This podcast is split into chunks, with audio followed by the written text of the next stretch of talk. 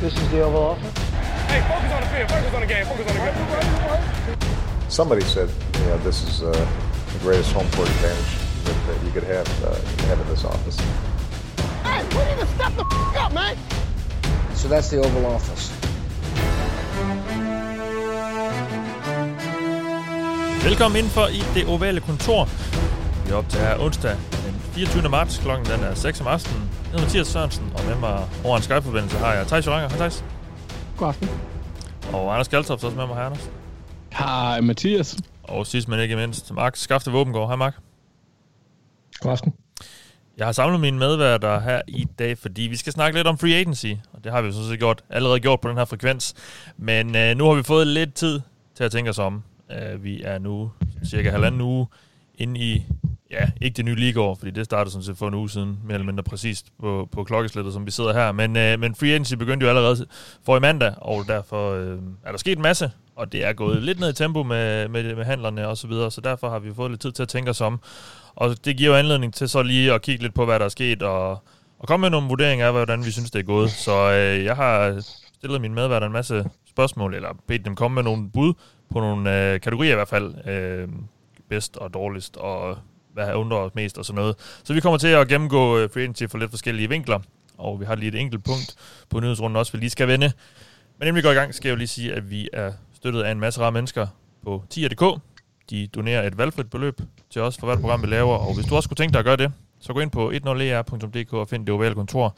Så kan du altså støtte os og sørge for, at vi kan blive ved med at sende. Også her hen over øh, off-season, hvor vi jo tager i hånden. Nu har der lige været free agency, og, øh, men det betyder så også, at draften nærmer sig, så der kommer vi også til at, at kigge grundigt på det, både før og efter. Så gå ind på tier.dk, hvis du kunne tænke dig at støtte os. På forhånd tak, og tusind tak til jer, der allerede gør det. Nå, som sagt, de her, vi starter lige med en lille nyhedsrunde, fordi jeg synes, jeg synes ikke rigtigt, vi kan komme udenom den her sag efterhånden. Øh, en hel masse kvinder har øh, kommet med nogle øh, meget alvorlige anklager mod Sean Watson. Og det sidste optælling, jeg lige kunne finde, det var, at der også er nu er øh, 14 civile søgsmål. Og det er jo vigtigt at pointere, at det er civile. Det er altså ikke nogen officiel anklagemyndighed, der har tiltalt Sean Watson eller sigtet ham for noget som helst. Det er civile søgsmål indtil videre, men øh, en masse kvinder, der, der beskylder ham for seksuelle krænkelser og overfald osv. Det er en, en meget, meget svær sag at blive klog på, og øh, der er jo en masse ja, parter i det her, tydeligvis jo. Øh, men Mark, jeg ved ikke, altså, det kan vel ikke efterhånden undgå at få noget betydning for Watsons status i Houston og ligaen generelt, altså med det her kæmpe spørgsmålstegn, der nu kommer til at være omkring ham og den her sag? Altså, fuldstændig vanvittigt halvt år, han snart har haft. Ja. Øh, det, og det, det kan man sige, det er jo fra den ene yderlighed til den anden, hvor han nærmest var, hvad kan man sige, helten, der gik i fronten, og ham man tænkte, vi skal redde ham for, for Houston til, at øh, der falder alle de her sager ud af skabet, og og som du selv siger, det er rigtig svært at blive klog på, hvad der er rigtigt og forkert i det her. Og det kan være i sidste ende, at det er en domstol, der skal afgøre det. Det, det ved jeg ikke, eller ikke også, så når det ikke dertil, men det er i hvert fald ikke særlig pænt. Jeg, jeg, jeg, selvfølgelig må det have en eller anden form for betydning, det har det jo. Øh, men jeg, jeg er godt nok, jeg er godt nok øh, jeg er i tvivl om det der med, eller det, der hvor jeg har det største spørgsmålstegn, det er timingen. Altså, jeg, jeg forstår det, øh, jeg forstår ja. simpelthen ikke, fordi hvis, hvis, altså, øh, for det første, så alt det der med, om der var nogen, der skulle have gemt og holdt på det og sådan noget, for at smide det ud på et bestemt tidspunkt, det, det tror jeg ikke en dyt på. Men, men, men jeg forstår, jeg forstår ikke, hvordan sådan noget her kan få lov til at, at ligge så længe, som noget af det måske har gjort. Hvorfor kommer det så frem nu? Hvorfor kom det ikke frem for tre måneder siden, eller for et halvt år siden? Eller, altså, og, og det, det, ved jeg ikke, jeg synes det bare, det er, det, det, det, det er mærkeligt ja, det er ikke et mærkeligt tidspunkt, fordi sådan nogle ting skal jo bare frem, men det er, det er, øh, det er alligevel påfaldende, at det sker midt i al den her trade-snak og alt det andet, der foregår i forvejen.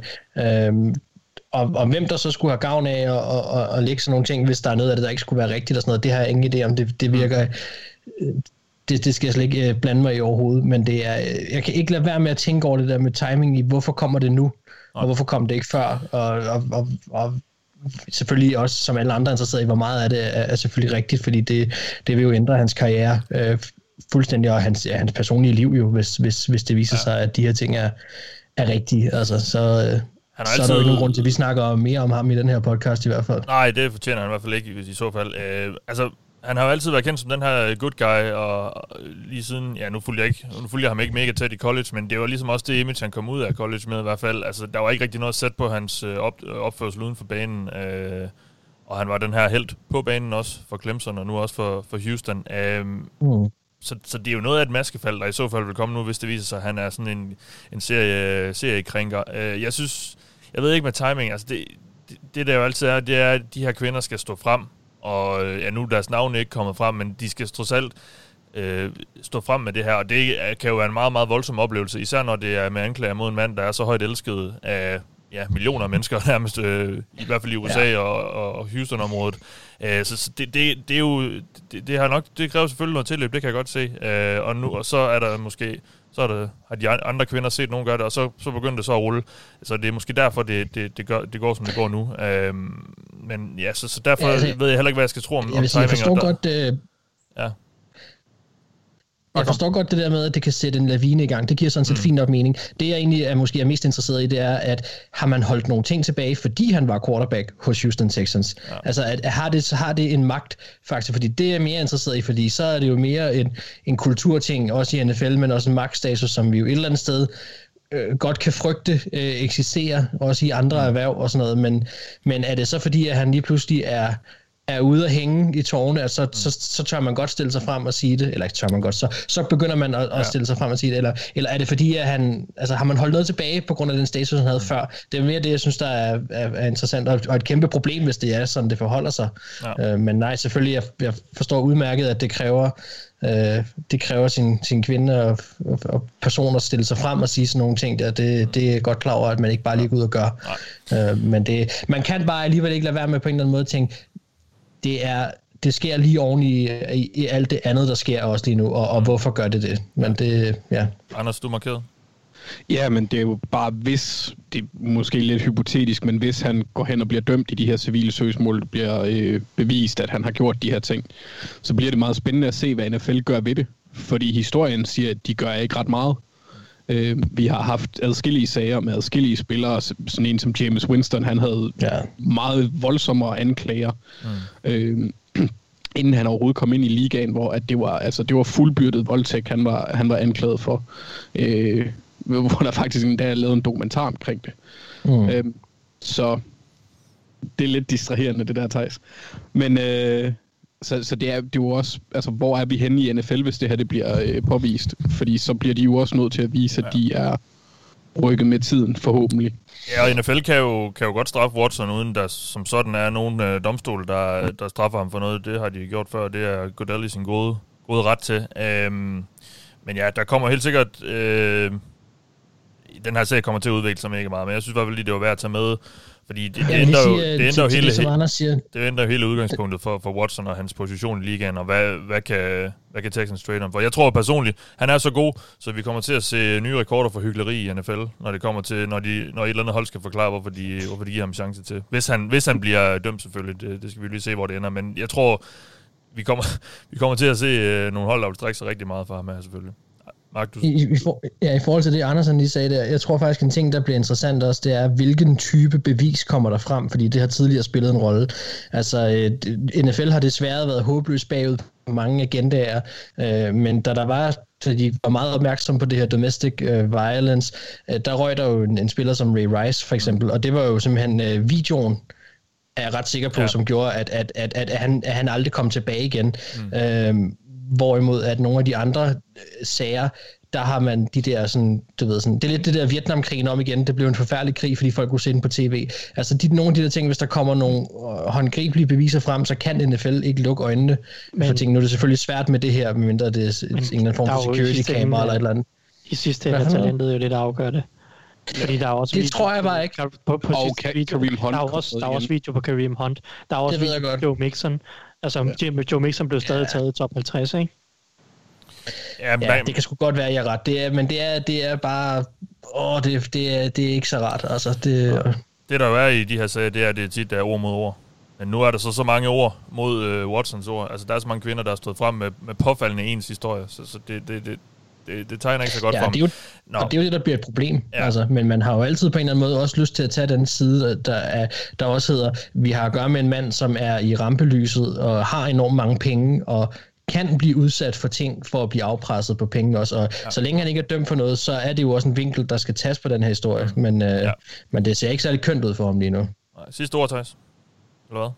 Nej, jeg har ikke noget. Nå, du Øh, tog bare jeg, din- Jeg, jeg har ikke lyst til at tage nogen vinkel eller side i det her. Nej, nej, det er også mest det.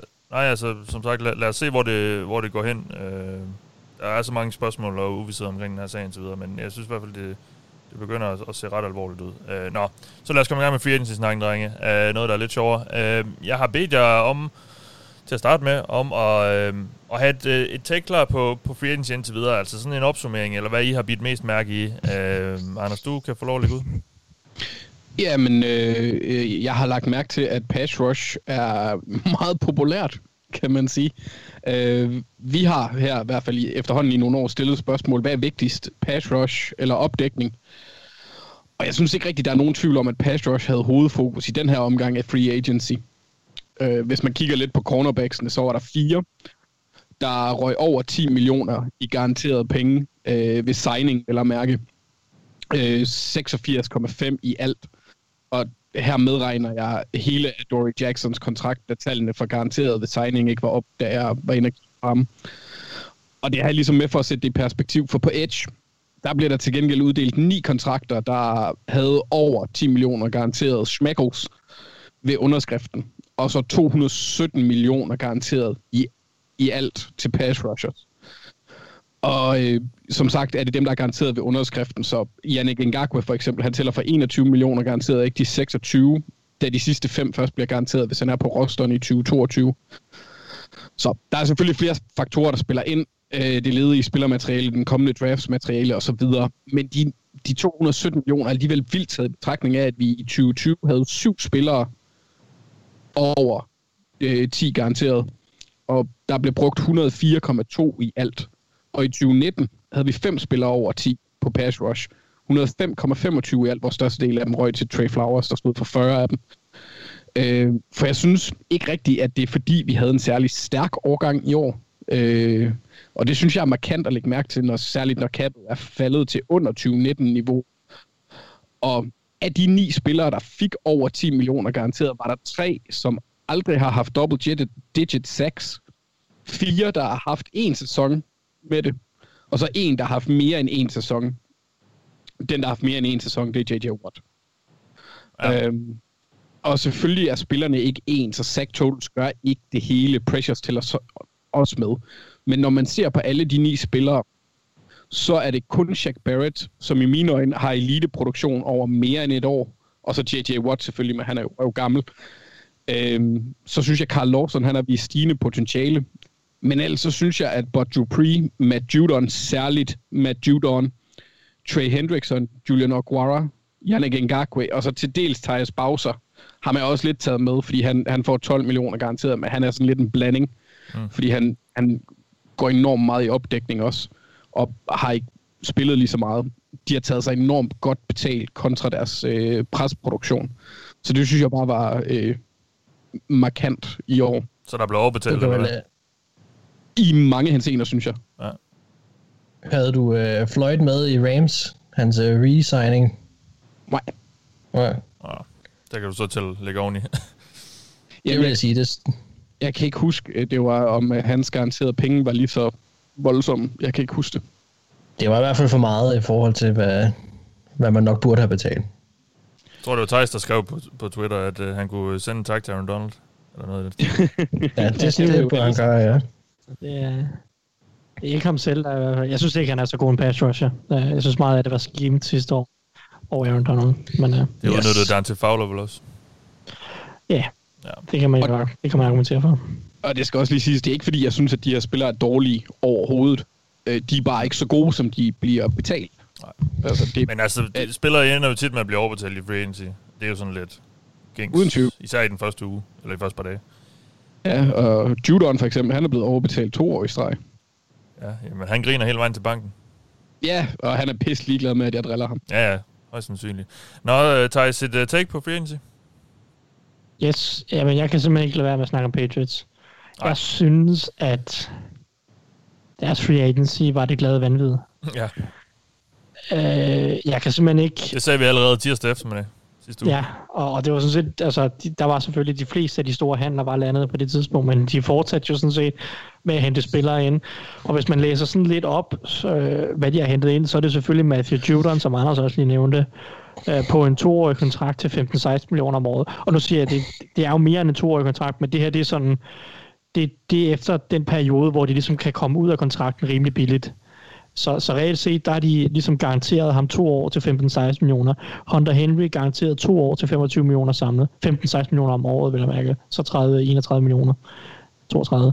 Uh, øh, Nelson Aguilar garanterer ham 12 millioner her i år 1. Garanterer ham næsten også år 2, og samlet set 22 millioner. John U. Smith, gi- de giver ham nærmest 3 år 38 millioner. Dietrich Weiss, 2 år 12. Davon Garcho, 2 år 15 derudover en masse andre, Jalen Mills 2 år 12, Kendrick Bourne 2 år 10, Trent Brown 1 år 7,6 og så videre og så videre. Der er også nogle billigere signings, Kyle Van Noy og Henry Anderson og sådan noget. Det er mig ikke, noget, ikke så meget sæt på. Men jeg synes jo, de er vanvittige kontrakter, de slynger ud. Anders har nævnt Matthew Judon lidt her, og det er jo sådan, altså, jo, jo, han er en fin spiller, en god spiller, men det er jo ikke en spiller, jeg forventer i hvert fald at gå ud og levere 10 plus 6 kontinuerligt.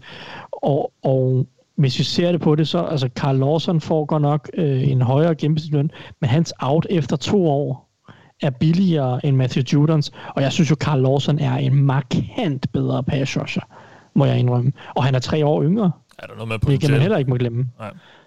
Uh, Henry, Henry, Hunter Henry og John. Smith er nu top 4 betalte tight ends i ligaen. Det er kun George Kittle og Travis Kelsey, der er højere.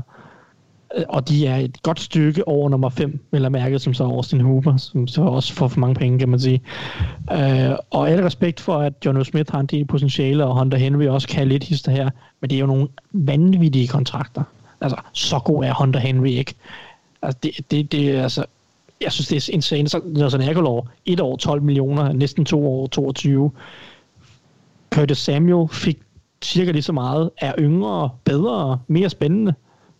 Will Fuller får mindre på en etårig kontrakt, som jo også er en, en bedre receiver. Jeg ved godt, der er nogle skadesproblemer med ham, men det er jo heller ikke, fordi Aguilar er sådan, Aguilar er heller ikke en, en mand, som du siger, "Ej, jeg ved, at jeg kan få 900 yards fra ham hver eneste år. Altså, Aguilar er jo også et, et, et, en spiller, der var et, et bust i fire år, indtil han signede en vet minimum sidste år, og så havde, øh, greb en, havde en fin sæson hos Raiders, og greb øh, nogle touchdowns og små 1000 yards. Det er vel ikke, fordi man sidder og bare stoler på Aguilar fuldstændig. Øh, Davon Show, de der 7,5 millioner om året, det er jo mere end Larry Okunjobi. Det er dobbelt så meget som Adam Butler, som de lå gå. Mm. Altså, hvad er det, vi forventer her for Davon Show, som var en run-stopping defensive tackle, som var fin nok hos Dolphins? Altså en gennemsnitlig run-stopper. Hvad, hvad er det, vi, for, vi forventer af ham, hvis vi synes, han er dobbelt så meget værd som, som Adam Butler, som havde en fin sæson sidste år hos Patriots? Øhm, Det, det, det lugter lidt af desperation på en eller anden måde. Ja, ja fuldstændig, og, og det er ligesom det der, altså jeg synes, jeg synes, det er lidt vildt, fordi det på en eller anden måde vidner det her for mig om, at Patriots sidste år, altså, de, de har jo fejlvurderet deres roster helt vildt sidste år. Det, det har jo været tydeligt at se, at, at, at de regnede med, at deres roster var sindssygt godt stadigvæk sidste år. Ja. Men øh, at de på en eller anden måde øh, ikke havde åbnet øjnene, skulle jeg til at sige, for jeg synes, det var ret tydeligt, at deres roster var super hullet sidste år. Øh, hvis man ser bort fra den offensive linje, så kunne der nærmest bruge hjælp alle steder. Deres wide receiver gruppe var en joke. De havde ingen tight ends. Øh, de, deres forsvar øh, manglede pass rush i høj grad. Linebacker-gruppen var super ringe. Jeg ved godt, der var en masse up-downs også, og det rammer dem selvfølgelig også ekstra hårdt.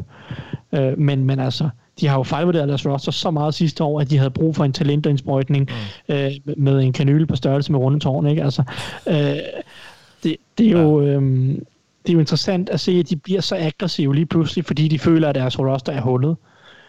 Og, og, og sådan, det kan godt være, de er overbetalt selvfølgelig, og det, det har de. De har uden tvivl overbetalt en hel masse ved at gå ud og, og hente alle dem her så tidligt. Øh, men man kan sige, at de har selvfølgelig også brug for den her talentmasse, og det er derfor, jeg ikke, jeg har ikke helt fundet ud af, hvor meget jeg hader det, fordi generelt set synes jeg, det er en, en dårlig strategi. Der er ikke ret mange af de her spillere, som jeg siger, at de gør en forskel. Altså, der er nok kun John Smith, hvor jeg tænker, okay, de har potentiale til at gøre en forskel. Så Trent Brown kan også godt, hvis man kan få lidt, uh, sat lidt skik på ham igen. Resten er jo sådan nogle typer, som jo jo, de er jo fint nok. Man har nok brug for en mand der, men har du brug for, at, altså, har du brug for at betale 7 millioner om året til Devon Gotcho, 11 millioner, 12 millioner om året til Aguilar, det havde man nok ikke, vel? Uh, så jeg vil sige, det eneste, hvor det her, jeg ligesom kan få det her til at give mening, det er i det tilfælde, at de trader op i draften og henter en quarterback. Ja, det tror jeg også, vi snakker om i sidste uge. Uh... Ja, altså det er det, eneste, ja. det er det eneste, jeg kan få til at give mening, fordi at, at så er det fordi, de sidder og tænker, vi har brug for at have et roster, så vi kan sætte en rookie ind her og arbejde ja. på. Jeg ved godt, de har Cam Newton her, som de forlængede med et år 5 millioner osv. Uh, men de havde brug for at få et roster, som ikke bare gav en rookie nul hjælp. Mm. De havde brug for noget hjælp til en rookie potentielt. Ja. Ja. Øh, og, og det er det eneste det er det eneste scenarie, hvor jeg vil forsvare det her free agency. Hvis de, hvis de kører den her sæson ud med Cam Newton og ingen rookie quarterback, så, så synes jeg, det er et mega ringe free agency. Det må jeg indrømme. Hvis de henter ja. rookie quarterback, så kan jeg sådan leve med det lidt, tror jeg. Men uh, puha, altså, jeg, synes, jeg synes, det er en vild omgang i hvert fald. Det, ja. det er mit take. Ja, fint.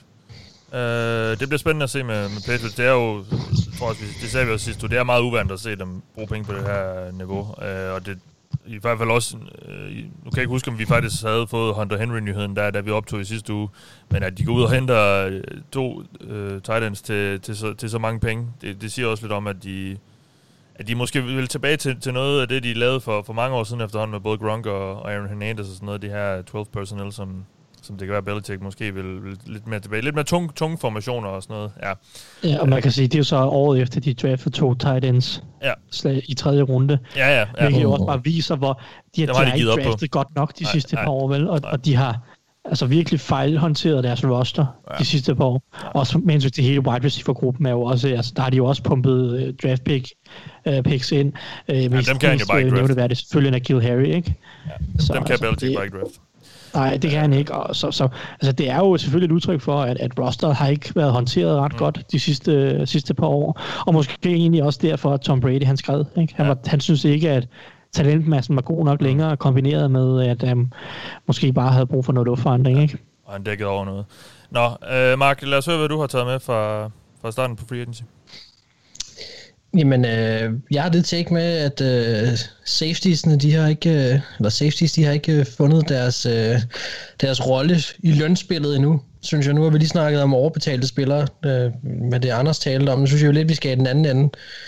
Der er, nok, øh, der er nok flere af vores sådan, faste lyttere, som ved, at safety C har en, en stor plads i mit hjerte. Det er generelt en position, nok den position, jeg holder mest af at se i fodbold.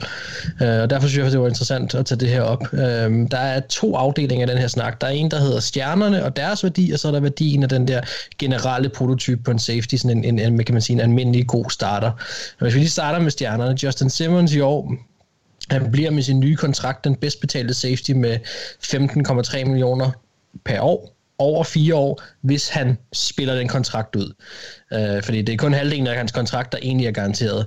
Og hvis man så kigger på de garanterede penge, så gør det, at Landon Collins stadig er den bedst betalte safety, øh, når vi snakker om kun garanterede penge. Øh, han så dog en seksårig kontrakt, og den slutter nok næppe, som den er tegnet. Så der kan man lige se, holde øje med, hvad der sker der.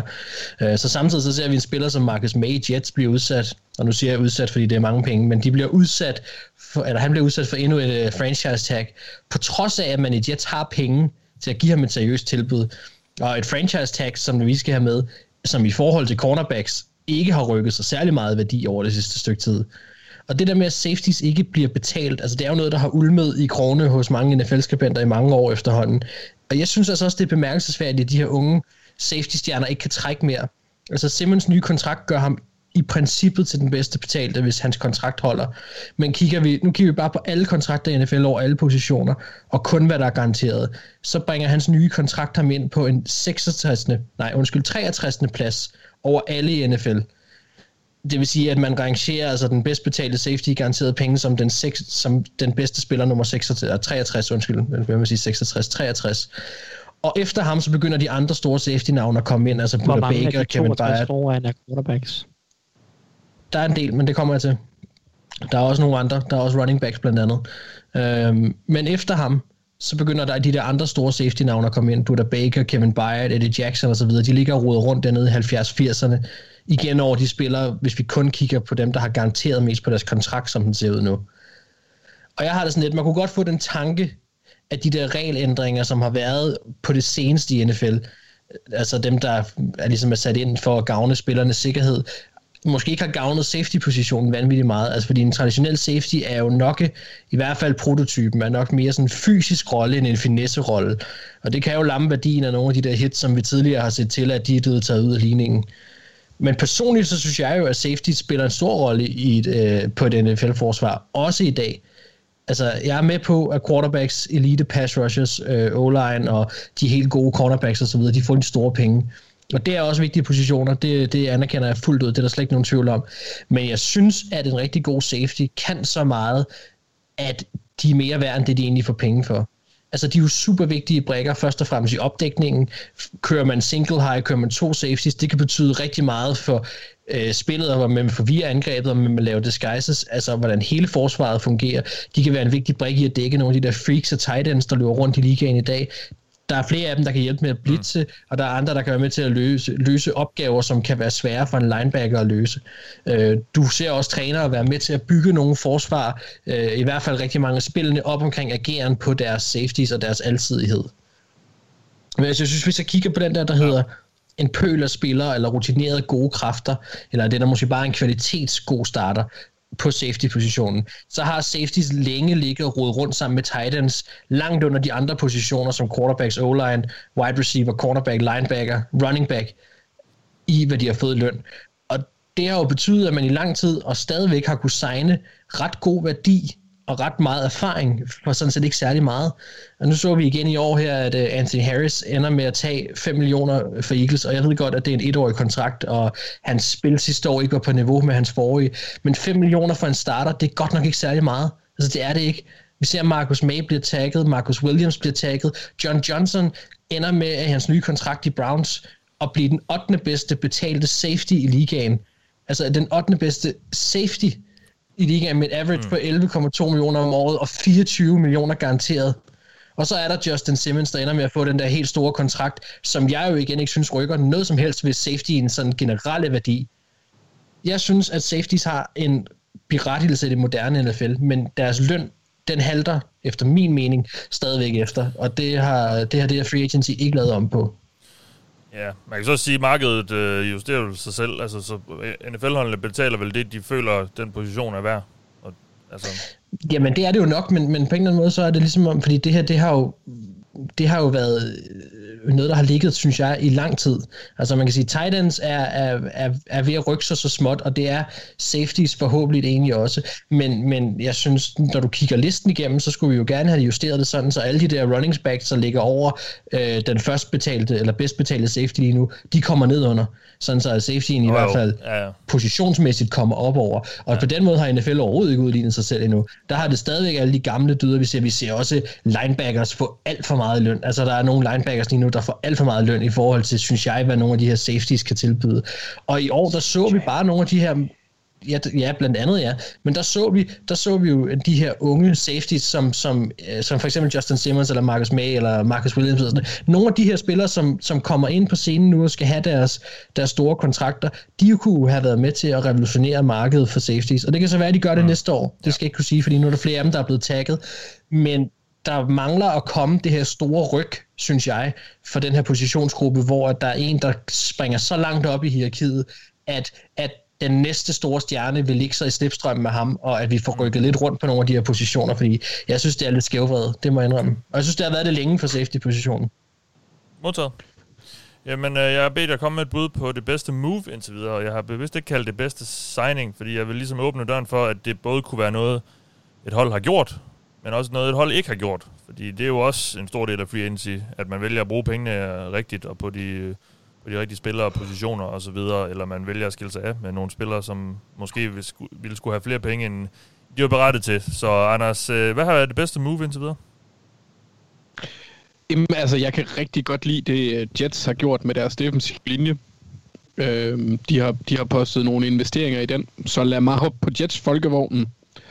Øhm, altså overordnet set kan jeg egentlig generelt godt lide det, de har foretaget sig indtil videre. Det snakkede vi også lidt om i sidste uge med Corey Davis. Men der er som sagt særligt et område, hvor jeg synes, at de har gjort det exceptionelt godt, og det er på den defensive linje, hvor de primært har hentet Carl Lawson, en spiller, som jeg rigtig godt kan lide, med masser af potentiale, og så Sheldon Richardson. Og det betyder Rankings. så, at de kan stille med Quid... Er det ikke Sheldon Ja. Rankins? Hvad siger du? Er det ikke Sheldon Rankins? Jo, undskyld. Det er Sheldon Richardson er en, en gammel Jets-spiller. Sheldon Rankins, tak Jeg skal også sige, der var ikke meget råd hurra for, hvis de havde fået ham tilbage. Nej, for pokker. Ah, Ham kan, ham kan du ikke lide. Øhm, men det betyder så, at de kan, de kan stille med, med Quinnen Williams og rankings på uh, defensive end, altså den indvendige defensive end. Øhm, og så Fulorunso Fatokasi på defensive tackle. En mand med et fantastisk kærligt navn.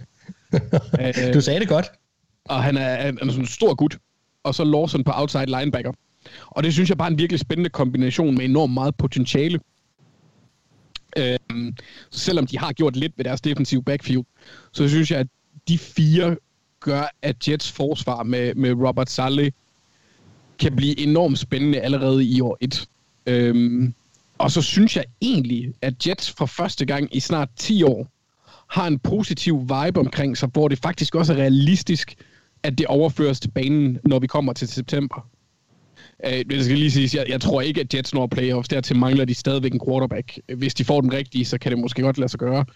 Men jeg synes, at Douglas og Saleh indtil videre øh, har gjort det rigtig godt. Øh, draften skal selvfølgelig tages med, men de har foretaget sig nogle rigtig fornuftige dispositioner. Mm. Så jeg, jeg synes egentlig, at Jets har gjort det rigtig, rigtig fint her i, øh, i free agency. Ja. Og så som noget lidt andet, så synes jeg også, at det er smukt, Mathias, at Bengals endelig har fyret den padehat til Bobby Hart. Det, det er Ja. lige nødt til at få med. Ja.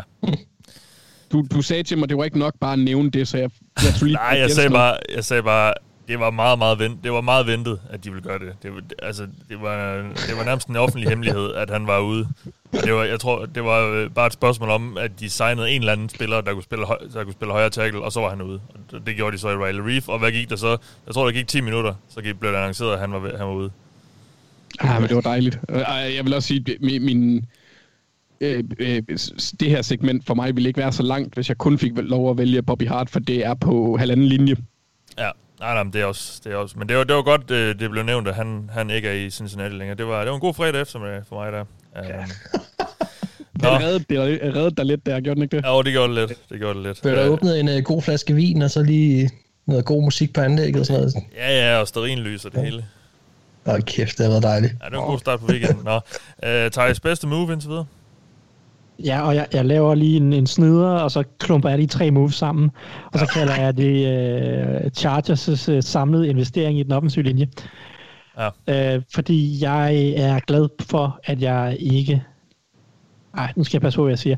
At det ser ud til, at jeg ikke længere skal se på Chargers quarterback bare blive jagtet rundt af den ene pass rusher efter den anden, fordi de gang på gang løber rundt med en dårlig offensiv linje med Dan Feeney på guard og Sam Tevi på tackle, og jeg ved ikke, hvad de ellers har de sidste 3, 4, 5 år, både, altså både de sidste år af Rivers' tid og, og, og sidste år, i første år med Herbert.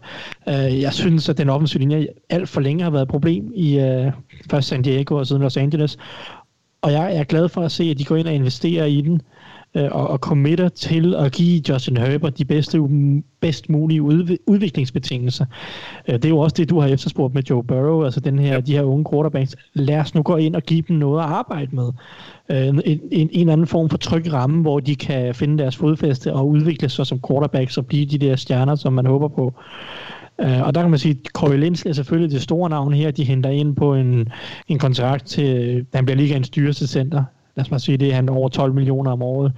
Øh, selvfølgelig stadig en del mindre end Joe Tooney for eksempel fik øh, som, som guard, men en rigtig, rigtig pæn kontrakt, specielt til betragtning, at han er 30 år gammel. Men, men altså, jeg synes egentlig stadig, det er en god signing, så den er dyr. Fordi at de har brug for en ny center. Han var ligaens, vel sagtens, bedste center sidste år. Øh, og han kommer ind og giver den her erfaring og ro, til den offensive linje, kan gå ind og være en leder. Øh, og, og, også bare hjælpe Justin Herbert med at, at få styr på den offensive linje, set protections og øh, håndtere blitzes og alle de her ting. Øh, så det er jo bare en super god, erfaren mand at få ind til at, at, at styre Herbert i den rigtige retning. Og ellers bare så som leder i midten af den offensive linje. Øh, Øh, så har de selvfølgelig hentet Matt Feiler ind, som er en, en Steelers-spiller, øh, har både spillet noget tackle og guard. Jeg tror, han skal spille guard hos, hos øh, Chargers, og det, det er måske også fornuftigt nok. Øh, man kan godt diskutere, om han ikke har fået lidt for mange penge. Det har han måske nok, men altså stadig en fin nok spiller, der går ind og starter, og man er, man er nogenlunde tryg ved, at han starter. Øh, man, det brænder ikke ned ved, han starter. Øh, og det er sådan rigtig fin, øh, den, den der tredje, fjerde bedste offensiv linjemand på en linje. Øh, og så har de så også hentet O'Day Abushi ind, som startede, faktisk havde eller startede en del hos øh, uh, Lions sidste år, havde små 700 snaps. Øh, og jeg har personligt ikke set ham spille ret meget, uh, men, men der, der er flere uh, sådan O-line-eksperter, der roser ham en del og siger, at han, han var faktisk ret solid sidste år uh, og, og gjorde nogle fine ting. Så det er sådan en billig under radaren signing, som også sagtens kan gå ind og vise sig at være rigtig god værdi. Så når man kombinerer de tre, som meget vel kunne være de tre starter på den indvendige offensiv linje, med Brian Bolaga, som man startede, eller som man hentede sidste år, så har du fire offensive linjefolk der, som man stoler rimelig meget på, og så skal de kun finde ud af, hvad de gør på venstre tackle, og der kan man selvfølgelig sige, at draften er oplagt, øh, og ellers så, altså, så, så er det heller ikke, fordi de har, øh, altså ikke har en mand, der overhovedet ikke har spillet. De har Trey Pipkins trods alt, som godt nok har været meget dårlig, men, men, men, men så må man lade ham konkurrere med et eller andet, man kan finde, ja. hvis man ikke kan få draftet en tackle højt. Så jeg synes, det, jeg synes, det er den rigtige vej for Chargers. Jeg synes, de har gjort det godt i free agency. Ja. Man kan så også kombinere det med, at de beholdt Michael Davis, cornerback, så det, det synes jeg også er godt. Ja. Men altså, den der, de tre offensive linjefolk, det, det synes jeg, det er lækkert at se, at man giver Herbert chancen på den måde. Ja, fint. Mark, øh, du bliver i, i safety-sporet. Ja, det var faktisk lidt ubevidst, men jeg kan da godt se det. øh, så lad os, da, lad os da tage fat i John Johnson, som jeg lige har sagt, blev signet for billigt. Ja. Men det er jo godt for holdet, øh, kan man sige, og det, han kom jo til Browns. Ja. Altså jeg må starte med at sige, at jeg kan faktisk rigtig godt lide alt, hvad Browns har gjort i den her øh, free agency. Jeg synes, at uh, specielt deres Rams, tilføj- Rams tilføjelser i flertal her er super. Uh, og så specielt John Johnson, som jeg vil fremhæve her. Mm. Det, det er for mig lige skabet. Altså, jeg havde i, i, vores, uh, i vores free agency optakt snakket lidt om, at Anthony Harris måske var en spiller, de ville gå efter. Uh, men de ender med John Johnson, og det, det er sgu genialt. Altså, det skal de være glade for, at det er sådan, det ender. Uh, en super spiller på en virkelig fin kontrakt for holdet, og for mig en virkelig seriøs opgradering i deres backfield. Altså, Browns har... Øh, jeg synes bare, som sagt, altså generelt gjort det ret godt, og jeg synes både, at Troy Hill, men, men specielt Johnson, er et move, der, der lige nu styrker øh, holdets chancer for at lave en gentagelse af det, de gjorde sidste år, og måske endda også drive det til noget mere, øh, fordi det var virkelig der, de havde store problemer. Mm. Så handler det selvfølgelig så om, Baker kan holde niveau og så videre, den kan vi jo tage, når vi snakker optag til sæsonen igen, men, øh, men, men jeg synes virkelig, at det her det er nogle fine ting, som, som de har gjort, og jeg synes Kevin Stefanski og generelt Browns organisation lige nu fortsætter nogle ret fine takter egentlig i forhold til at administrere deres hold. Øh, jeg synes, der er, der er rigtig mange gode ting at sige om det, men John Johnson, ja. det synes jeg virkelig er suverænt. Ja. Ja, de prøver lidt at efterligne uh, Rams succes der. De har også hentet uh, Troy Hill, som også du, uh, som også nævnte, så er han også uh, tidligere Rams-spiller. Så uh, ja, det, og det så også meget godt ud i Los Angeles sidste år. Det er så ikke den samme koordinator, men uh, man ikke lige tage lidt, uh, tage lidt fifs med. Nå, men så lad os vende uh, fortegnene om og få nogle bud på det dårligste move indtil videre. Anders, du kan få lov at lægge ud. Ja, men det, igen øh, kommer jeg til at kommentere på noget, du kender til, Mathias. Øh, AJ Green til Cardinals. Ja.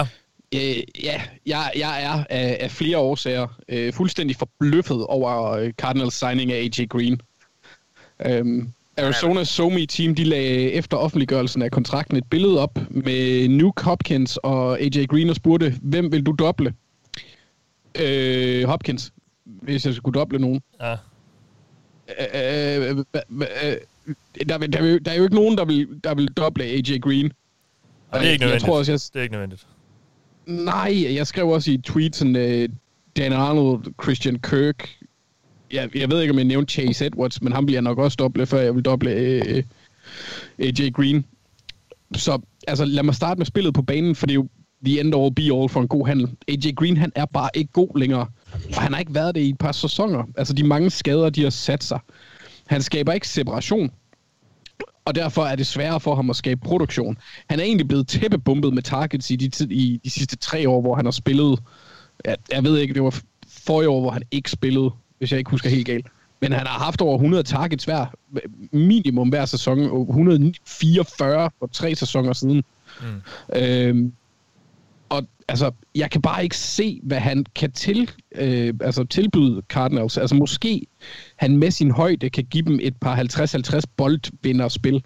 Men ham, den type har de jo allerede i Hopkins. Og, og det fører mig sådan set til det næste, næste punkt, fordi er AJ Green den type, som Cardinals mangler? Og det synes jeg ikke, han er. Kyler Murray, han har en, en, en katapult af en arm. Men Cardinals har ikke spillerne lige nu til at udnytte det. Christian Kirk, han har potentialet til at gå dybt, men han bliver ikke brugt sådan, og han skal også snart til at vise noget mere, øh, hvis han skal være den spiller. Så jeg forstår bare ikke, hvordan at man kan hente en spiller, der er så langt fra sin storhedstid. Altså, jeg fristes til at tro, at det er navnet alene, der har skaffet ham de 6 millioner, som han er garanteret. Det er mig simpelthen ufatteligt, at det er muligt. Og jeg ved ikke, om det er Cardinals, der forsøger at lave en box 2.0 ved at hente gamle stjerner eller om Steve Keim har siddet en varm nat og filet af gurken, mens han genså 2019-draften. Et eller andet spøjst er der i hvert fald sket, for jeg synes ikke, det giver mening. Men altså, Green er jo heller ikke hentet som nogen game changer. Altså, at kalde det det dårligste move i free agency, det, det synes jeg er, er hårdt, måske på en eller anden måde. Men det, hvis det selvfølgelig har afholdt dem, hvis det, gør, hvis det gør, at de ikke har hentet en anden receiver, hvilket det nok har jo, så, så, så kan jeg godt se det, men altså, ja, jeg ved ikke ja, altså nu, nu, nu skal vi også sige, at vi har nogle rammer i det her. Jo, jo. Ja. Fordi, altså, jeg, hvis jeg, hvis jeg, altså, jeg er jo ikke en stor fan af Matthew Judon i forhold til penge. Nej. Og øh, i forhold til, hvad vi har nævnt tidligere, så synes jeg, at i det, som Cardinals mangler med de investeringer, de har foretaget sig lige nu, hvor det ligner, at de prøver at bygge en contender, så kan jeg ikke se, hvad AJ Green han skal der. For 6 Nej. millioner er selvfølgelig ikke mange penge. Men Nej, det er det, mange det, penge for en spiller, der tilføjer noget, som du har i forvejen, ja. og så på et relativt lavt niveau. Selv, selv hvis Larry Fitzgerald han stopper eller ikke er der næste år. Så det er en anden type. Mm. Altså, jeg kan ikke se, hvad de vinder med at tilføje ham. Så nej, det er derfor, jeg nej, synes, det... det er en... Jeg ved ikke, altså det, det er sådan en, øh, en negativ spiller, en progress stopper. Ja. Jeg, jeg synes faktisk, de er blevet dårligere på angrebet ved at hente ham. Mm. Ja. Jamen, de, øh, de skal have nogle stjerner ind øh, her i offseason. Det har de fået med, med AJ Green og nu og tidligere med, med JJ Watt. Så der, der er stjernestøv i, i ørkenen der. Nå, Thijs, lad os få dit bud på det dårligste move indtil videre. Ja, og jeg, jeg ved ikke helt om... Uh, jo, det er, jeg, jeg synes, det er et dårligt move, men, men det er jo ikke sådan et move, der ikke kan gå godt. Men jeg synes, at Dory Jacksons kontrakt hos Giants er helt absurd høj. Vi de har haft en stor tegnebog frem, der... New York. Hvad siger du? De har haft en stor tegnebog frem, ikke kun med, med Dory Jackson. Ja, det kan vi, vi kan sagtens sige. Altså, Carl Rutter får 6 millioner om året fra dem, og Leonard Williams får en DeForest Buckner-kontrakt, og Kenny, Kenny Golladay ja. en top 10-kontrakt på, altså, øh, generelt set nok bare ret meget overbetaling, men, men mm. det er jo David Gettleman, så sådan det. Så Jackson, men jeg synes, at Dory Jackson er, ja. er den vildeste. Ja. Øh, og, og altså, han får en kontrakt på 3 år 39 millioner øh, som, som, som grundværdi. Øh, 26 af de her, de er garanteret. Det er formentlig øh, det, det første år, lønnen det første år, så signing bonus på små, øh, på små 14 millioner. Det, det sker vel at mærke et år efter, at han har været skadet praktisk talt hele 2020. Før 2020 var han en, en ret habil cornerback, men, men heller ikke, altså, han var ret, han var, han var ustabil og i perioder havde han også rimelig store problemer. Der var også perioder, hvor han spillede rigtig fint, og jeg synes ikke, han er nogen dårlig cornerback overhovedet. Øh, jeg kan godt forstå, at man gerne vil have ham ind på sit hold, hvis man har et hold på cornerback, men, men jeg synes, han er, en, han er en risiko, også fordi netop skader i 2020, Titans fritstiller ham jo vel at mærke. De havde jo en 50'er på ham. Han kunne have spillet i år for dem på, øh, for omkring, jeg mener det er 10,5-11 millioner eller noget stil de vælger at sige, det gider vi ikke, vi fritstiller ham, fordi at, at efter sine, så har jeg forstået på Titans øh, journalisterne, han havde ikke hovedet med i det sidste år. Altså, han var ikke øh, mentalt med i det, og det kan selvfølgelig være, at han bare var træt af sine skader og øh, covid-19 og bla bla bla, bla og så videre. Øh, men, men en spiller, som kommer fra et skadet år, ikke havde hovedet med i det sidste år, har været lidt op og ned i sin karriere, at han skal have en 3 år 39 millioner kontrakt. Jeg synes, det er insane. De har nu to cornerbacks med øh, top 15 kontrakter på, øh, på positionen. Øh, den anden selvfølgelig James Bradbury. Og altså, altså det, det, det, med de investeringer, der er lavet i ham og Leonard Williams mest af alt, så er det jo her, så er det her jo et forsvar, der skal være måske ligaens bedste næste år. Altså, de har jo også øh, en del penge i Blake, Blake Martinez, og øh, Jabril Peppers får også nogle penge. Så, så altså, jeg synes, det er et vildt sats. Jeg synes faktisk, jeg synes, det er sådan helt sådan roster building mæssigt, synes jeg, det er et dårligt move. Jeg, jeg havde meget hellere set dem bruge øh, 5 millioner om året på Troy Hill, eller øh, noget andet lidt mere moderat. Altså, hvis jeg absolut skulle bruge over 10 millioner om året på en cornerback, hvad var der så i vejen med William Jackson og Ronald Darby, som øh, generelt set synes jeg har været mere stabile som cornerbacks mm. i, i de fleste af deres sæsoner. Så altså, jeg synes bare, jeg synes det er en voldsom risiko, og det kan godt være, at det lykkes. Det kan godt være, at Dory Jackson får, forløser sit potentiale hos Patrick Graham. Uh, det udelukker jeg ikke. Men jeg synes sådan helt i forhold til, hvad han har vist og hvad de betaler, så synes jeg ikke, det er den rigtige måde at bygge rosteret på. Nej, okay. Mark, lad os så høre, hvem, øh, hvem du ikke, eller hvem du synes, der har lavet det dårligste move. Eller hvad er det dårligste move for hvad? Ja, men jeg kan ikke holde mig helt sent, så jeg, jeg har altså lavet to, jeg har bare lavet det kort. ja. den, første, den første, det er Pat Elfline til Panthers. Mathias, jeg synes, det er dybt useriøst, at Pat Elfline bliver betalt 5 millioner. Jeg ved godt, altså over tre år, jeg ved godt, og det gør vores lyttere selvfølgelig også, at intet er, som det lige ser ud med en NFL-kontrakt, når man bare ser tallene. Og ja, ja, Panthers skal komme ud af den uden tab i år. Men at over, nogen overhovedet kan finde på at tilbyde en kontrakt på tre år til Pat Elfline, det er dybt, dybt useriøst og horribelt arbejde hele vejen igennem. Prøv at de garanterede penge, han skal have de her to år, hvor de skal betale ham, det er latterligt. Og, og jeg må formode, at de, de regner med, at han skal starte et eller andet sted. Jeg ved ikke, hvor de har tænkt sig, at han skal starte, men det... det, det nej, jeg, jeg, jeg, jeg forstår det ikke. Jeg forstår nej, det nej. virkelig ikke. Nej. Og så har jeg, så har jeg Leonard Floyd øh, for Rams, vi snakkede om tidligere. Altså, mm. jeg synes bare, at det er rigtig mange penge, de vælger at bruge på en spiller, som Sejs også har nævnt, og som du også nævnte, lever meget selvfølgelig af Don, uh, hvad Aaron Donalds styrker, men sådan også meget scheme. Altså min tese ville have været, at man kunne godt enten have draftet eller fundet spillere, som kunne have forløst noget potentiale, eller for, gjort noget, der måske ikke var præcis samme produktion, men i hvert fald tæt nok på til et langt lavere beløb, end, end det uh, Leonard Floyd har fået. Så det, det var faktisk overrasket over, at Rams de gjorde. Jeg troede faktisk, at de var... Ja, det skal lyde nederen. Jeg synes, troede faktisk, de var lidt smartere, end, end, end at gøre det. Men det valgte de altså at prioritere, og det, ja. det må man jo så sige, det, ja, det, det, det ville jeg så bare ikke have gjort. Men, uh, men ja, Pat Elfline til Panthers, det er horribelt og dybt useriøst. Modtaget. Nå, men så lad os gå øh, ind i lidt af en gråzone, fordi jeg har spurgt jer, hvilket move, der undrer jer mest. Så det kan jo både være noget, som I måske ikke er helt sikre på, om er godt, eller ikke er helt sikre på, om er dårligt, eller, eller noget. Så jeg er lidt spændt på at, øh, at høre, hvad, hvad, hvad der gør, at I undrer jer over de her ting. Anders, du kan få lov at lægge ud.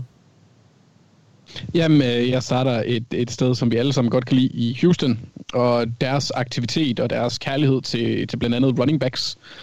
Øh, men altså, jeg ville egentlig gerne have snakket Dalvin Tomlinson her, for at få en kickstart på årets Vikings slander. Men, men jeg kan godt lide Mark, og så er jeg jo kropspositivist, så jeg vil ikke snakke ondt om de store bamser. øh, det, kan du, det kan du bare gøre, Anders. Det skal du gerne. Vi kan godt tage dem, hvis det, det skal det, være. Er jo for, det er jo fornuftigt nok. Jeg, jeg så øh, faktisk en, øh, en... Derfor øh, valgte jeg... Jeg så en sjov historie med, med Dalvin. Og da, fordi der er åbenbart ja. to spillere i NFL's historie, der hedder Dalvin til fornavn. Og ja. nu spiller de så begge i Minnesota. Yes. Så øh, der er en trend. Og, det er mærkeligt. det er mærkeligt, ja. ja. Anders, continue. Men ja, jeg, ja, jeg valgte at, at kigge lidt på, på et par spøjse tilstande i Houston. Vores allesammens på nær din, Mathias, selvfølgelig, yndlingsbryleknappe. Øh, de har været enormt aktive og hentet øh, 23 free agents. Og det her medtæller øh, vist ikke handler. Øh, ingen fra øverste hylde dog, men en masse middel til undermiddelspillere. Deres største kontrakt blev faktisk givet til en ponder. Øh, og nærmest alle kontrakterne er til to år, øh, som Thijs Kort var inde på i sidste uge. Så de pansætter sig ikke lige nu. Men det virker også ret mærkværdigt, at de nærmest accepterer, at de næppe bliver gode de næste par år. Øh, både med, med, med tilføjelse træner, de har lige nu, og så de her moves. Det, det, det, det er mærkeligt, synes jeg. Og det, der dog har undret mig mest i hele den her mølle af, af signings, det er deres disponering af penge på running. Texans, de har 6. flest penge på stedet i den position, og øh, foruden Broncos, som som godt at de har Melvin Gordon, men de andre hold over dem er alle hold, der har givet store kontrakter til running backs, eller draftet Saquon. Så det, det, det er lidt en sjov disposition. Med, de forlængede med, eller gav David Johnson en etårig kontrakt her øh, i starten af tror jeg. Så har de hentet Mark Ingram, og som noget af det sidste i free agency i sidste uge, der hentede Philip Lindsay. Anders, du, øh, du var ved at, at snakke lidt om Philip Lindsay, og så, øh, så kom der lidt teknisk udfald, så vi, du kan lige få lov til at, at samle den op og, og afslutte den. Ja, min røv vil blande sig. Ja, øh, igen. Ja, det er træls. Ja, det, den er simpelthen en laban. Øh, men altså, øh, med de kontrakter, der er givet til running backsene, så synes jeg, det er lidt spøjst. De har hentet Johnson, Ingram og Lindsay. Og jeg tror ikke, at det bliver alle tre, der får mærkbare carries. Jeg tror egentlig, at Lindsay han bliver den primære af, af de tre, kunne jeg forestille mig. Øhm, så jeg synes bare, det er en underlig disponering af deres øh, midler. Og så siger man, tager man det koblet med, altså hele det med, at de har hentet så mange middelmodige spillere på, på lejekontrakter, om man vil, koblet med, at de har hentet to quarterbacks i Tyrod Taylor og Ryan Finley, gør, at jeg mere end nogensinde før tror, at Watson har en lille bitte chance for ikke at være at finde i Houston i 2021. Og det, det er ikke, fordi jeg har troet meget på, at, at det vil ske, for det vil være ufatteligt dumt. Men med deres manglende draftkapital og deres moves indtil videre, ligner de ikke et hold, der vil give deres franchise quarterback de bedste muligheder, men derimod et hold, der styrer direkte på vej, en genopbygning, på vej mod en genopbygning. Ja. Så, så Houston undrer mig. Så jeg ja. ved ikke, hvad de vil. Nej. Hvad undrer dig, Thijs? Hvilket jo meget, det er meget lækkert, det der med Houston, fordi det var mit spørgsmål inden free agency. Kan vi finde ud af, hvad det egentlig er, de vil? Uh, det ved vi så stadig ikke rigtigt, men uh, det er jo så dejligt. uh, nej, men altså det, jeg undrer mig over, det var egentlig, at, at Titans har, har, har, har lavet så voldsom en nedrivning, som de har. Øh, jeg synes, de har skiftet utrolig meget ud i truppen, og også øh, mere, end jeg egentlig havde forventet, og måske også hentet, hentet færre spillere ind, end jeg i, i perioden forventede. Øh, så de har, på, på porten har de smidt uh, Malcolm Butler, Dory Jackson, de to cornerbacks, safety, Kenny Vaccaro, tight end, John Smith, wide receiver, John, Corey Davis selvfølgelig. De fem rimelig betydelige profiler, selvom jeg ved godt, at Dory Jackson var skadet sidste år. Øh, Daquan Jones, også en starter på den defensive linje. Dennis Kelly startede på, på, på tackle, offensive tackle. Øh, Desmond King, som de traded for at spille slot corner for dem, han blev også sendt ud. Øh, og så ellers, øh, hvad siger, parentes, til Davian Clowney og Adam Humphries, der ikke rigtig spillede for dem sidste år på grund af skader. Øh, det, det synes jeg er mange markante navne for et hold, der altså vel og mærket øh, vandt deres division sidste år. Og jo for to år siden var i AFC-finalen med meget af den her kerne. Øh, så ved jeg godt, at de ind har hentet en Bot Dupree til at forbedre deres passers, som var ikke eksisterende sidste år. Øh, Janoris Jenkins og Kevin Johnson skal hentet ind for at erstatte Dory Jackson og Malcolm Butler. Jeg synes ikke, at det er erstatninger på samme niveau, og også med be- be- betydeligt større usikkerheder med en aldrende Janoris og en Kevin Johnson, der bare aldrig rigtig har været en backup i ligaen. Så er der Kendall Lamb, som er hentet ind i stedet for Dennis Kelly, og det er sådan lidt, lidt ligegyldigt på en eller anden måde. Han har heller ikke nogen profil. Og så er de jo så øh, hentet Denico Autry ind, som nok skal erstatte Dequan Jones. Øh, jeg synes bare, han er lidt mere pass rusher end, end, end Dequan Jones, som var bedre mod løbet. Men det er sådan lidt, at vi tilbage står vi med et hold, som Kendall Lamb starter på højre tackle. Øh, AJ Brown er nærmest øh, eneste receiver, så det godt, de henter Josh Reynolds ind, og det er så også ok, men, men at det, er din, det er de eneste to receiver, resten er bare no-names nærmest. Øh, på cornerback er det så, som sagt, Janoris Jenkins, Christian Fulton, der var skadet en del af sin rookie-sæson, og så Brian Borders slash Kevin Johnson. Altså, på nogle af de vigtigste positioner for det her hold, offensive tackle, cornerback, wide receiver – Øhm, der, der, der øh, har, har de mere eller mindre revet det ned, og, og, og prøver på en eller anden måde at skabe noget nyt, og en eller anden form for ny identitet. Øh, jeg, jeg synes, det er ret markant, og jeg, jeg glæder mig lidt til at se, øh, om de henter nogle flere navne ind her hen mod slutningen, der er jo stadig nogle free agents derude, eller om de bare går ind i draften, men jeg synes, de har nogle store needs, de skal kigge på i draften. Øh, og, og det er jo, det synes jeg aldrig er rigtig, det er aldrig så betryggende, når man går ind til en draft og har ret store needs. Uh, så jeg håber lidt, de lukker nogle af det med at hente nogle sådan stabile spillere, men jeg, jeg synes, det er ret markant. Uh, og jeg ved ikke, om det er godt eller skidt for dem på, i længden at sige farvel til typer som Corey Davis og John Smith. Det kunne være, måske være fedt, hvis de havde beholdt en af dem. Uh, og man kan også godt diskutere Dory Jackson, om man ikke skulle have givet ham en chance mere i, et enkelt år, men uh, det kan også være, at det ender med at være det helt rigtige. Det, det ved jeg ikke, men det virker jo også bare som om, ja, ja det, jeg synes, det er interessant i hvert fald, at de har revet det så meget ned. Så lad os høre, hvad du undrer dig over, Mark.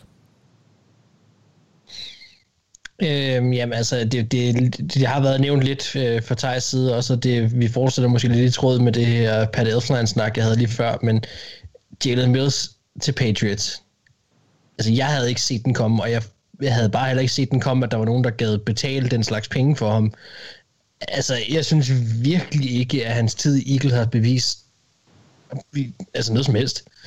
Øh, nu kommer han så i Bill Belichicks hænder, og det kan godt være, at det er den her alsidighed, der frister Bill Belichick her, men jeg fatter ikke, hvad han skatter. Det må jeg bare indrømme, det gør jeg simpelthen ikke. Øh, til gengæld så kan man så vente om og så sige, øh, tillykke hermed, fordi det, det kunne sikkert ikke være bedre for hans karriere. Altså han får chancen for at bevise sig på træningsbanen for den bedste NFL-træner nogensinde, og geni, når det kommer til at skabe gode forsvar. Så, så lad os da se, hvad der sker. Jeg var bare indrømme, jeg var bare da jeg så den break der på Twitter, så var jeg noget undrende og bare generelt overrasket. Det var nok det sidste sted, jeg havde forventet, at han skulle hen. Mm. Men øh, det kan da godt være, det er bare mig, der har, øh, har misset guldægget. Det skal jeg ikke kunne sige. Men øh, jeg, har, jeg har kørt lidt på Jalen Mills de sidste par år, når jeg skulle skrive Eagles optakt også, og så videre, jeg, jeg forstår bare ikke. Jeg forstår ikke, hvad han skal der. Det må jeg bare indrømme, det forstår jeg ikke. Men det er vel også, det her, det bunder så også måske, og som vi også har snakket om øh, tidligere, i en, i en generelt undren over, over, hvad Patriots har lavet i den her offseason, eller hvad? Jamen, det gør det jo, og, og, og jeg er jo enig jamen, i alt, hvad Thijs sagde omkring Patriots. Det, det deler jo den samme mm. øh, undren. Men, men, men jeg valgte bare lige at slå ned på ham, fordi at det, det er meget under, at han havde fået lov til at overleve så længe, synes jeg, som han har gjort. Altså, jeg, jeg var meget undrende, og det kan man sikkert også gå tilbage og finde nogle podcasts, der er gamle omkring, at øh, da, da de begyndte at lege med ham som safety og så videre i Eagles, altså at man ville prioritere at holde på ham og rykke rundt på ham og sådan noget. Bare sådan, altså hvis det var mig, så sendte ham ud for flere år siden. Altså, og det, det forstår det simpelthen ikke, hvad, hvad det er, at, at der bliver ved med at blive set i ham, og, og hvad det er, Bill Belichick så vi med ham nu. Og det kan jo så måske være den her alsidighed, som, som, som på en eller anden måde øh, giver ham et kick og tænker, jeg kan, jeg kan prøve at få noget ud af det med ham her, og vi har tonsvis af penge i år, så det, det gør ikke noget. Super, det kan også godt være, at han, han gør ham til, til noget, som han ikke har været tidligere. Øh, som jeg sagde, så tror jeg jo, det er jo nok også, at han har måske de bedste chancer for at, at blive til noget. Øh, det, det, er jo, det er jo nogle fine rammer at have, men jeg ved ikke, jeg, jeg, jeg bare undrede mig bare over, at de gad spille deres tid på ham. Det må jeg bare indrømme. Så lad os zoome lidt ud, øh, fordi øh, nu skal vi snakke lidt mere på holdniveau. Jeg har spurgt jer til at starte med, hvilke hold, der har gjort det bedst, og øh, jeg har lagt op til, at det jo ikke bare skal måles ud i, hvem der har hentet de bedste spillere osv. Altså, fordi free agency handler jo meget om, synes jeg jo, og hvordan man bruger sine penge. Om bruger man dem fornuftigt, og det kan også, som jeg også øh, lagde op til tidligere, også øh, handle om, at man ikke bruger dem. Så øh, hvilke hold har gjort det bedst, Anders? Jamen altså, i øh, en podcast for nogle uger siden, i vores forventninger til Free Agency, der havde jeg Bills. Og de gjorde tre af de ting, jeg havde forventet, men som jeg synes måske ville blive svært, fordi markedet var ukendt. Så jeg, jeg har valgt Bills. Øh, jeg kan, ja. De formåede at gøre de tre ting. Jeg, jeg kan virkelig godt lide det, de har foretaget sig i år.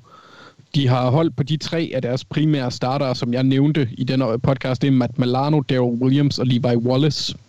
Hvor Milano og, og Williams er de store navne og gode træk, da de sagtens kunne have trukket den store pengemaskine i andre klubber, tror jeg. Specielt Daryl Williams, da markedet ja. var, øh, for, for højre tackle var tvivlsomt. Øhm, og holdene, der mangler en højre tackle ret stort. Øh, der var ret mange af dem. Og så på angrebet, der har de holdt på Isaiah McKinsey. De har tilføjet Emmanuel Sanders, de har hentet Jacob Hollister, og så har de hentet en solid backup i Mitch Trubisky. Og, og det er jo også et, et positivt træk for dem. Altså det kan godt være, at vi er efter Trubisky som starter. Som backup, der er han jo fin. Der er han jo, der er han jo godt, der er han god. Mm. Øhm, så jeg synes, at Bills ligner et hold, der er blevet en kende stærkere, særligt på angrebet, og, og bør være finde i toppen af AFC næste år, for jeg synes heller ikke, de har mistet ret meget. Altså, Quentin Jefferson er væk, Trent Murphy er øjensynligt væk, og Josh Norman, han forsvinder også. Er det spillere, der ændrer det for dig? Nej, det synes jeg ikke. Så jeg synes, de har gjort det fremragende. Ja, ja de holdt også på John Feliciano, guard. Ja. Øh, som også var på vej i free agency. Og ja, det, det, mange af de deals her på de spillere, de holdt på, øh, som også siger, det er sikkert spillere, der kunne have fået flere penge.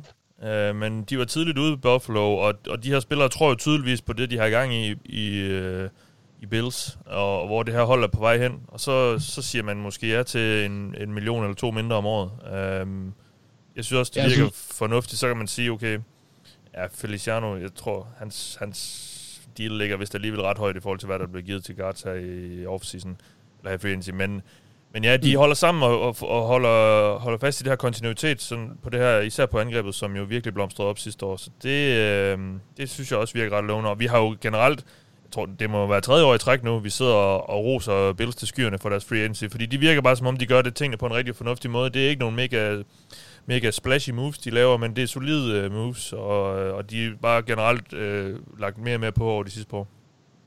Ja, altså det, altså det er sjovt at, i forhold til år 1 under Sean McDermott, hvor, hvor Thijs, særligt Thijs, det onde menneske, var rigtig meget efter Sean McDermott.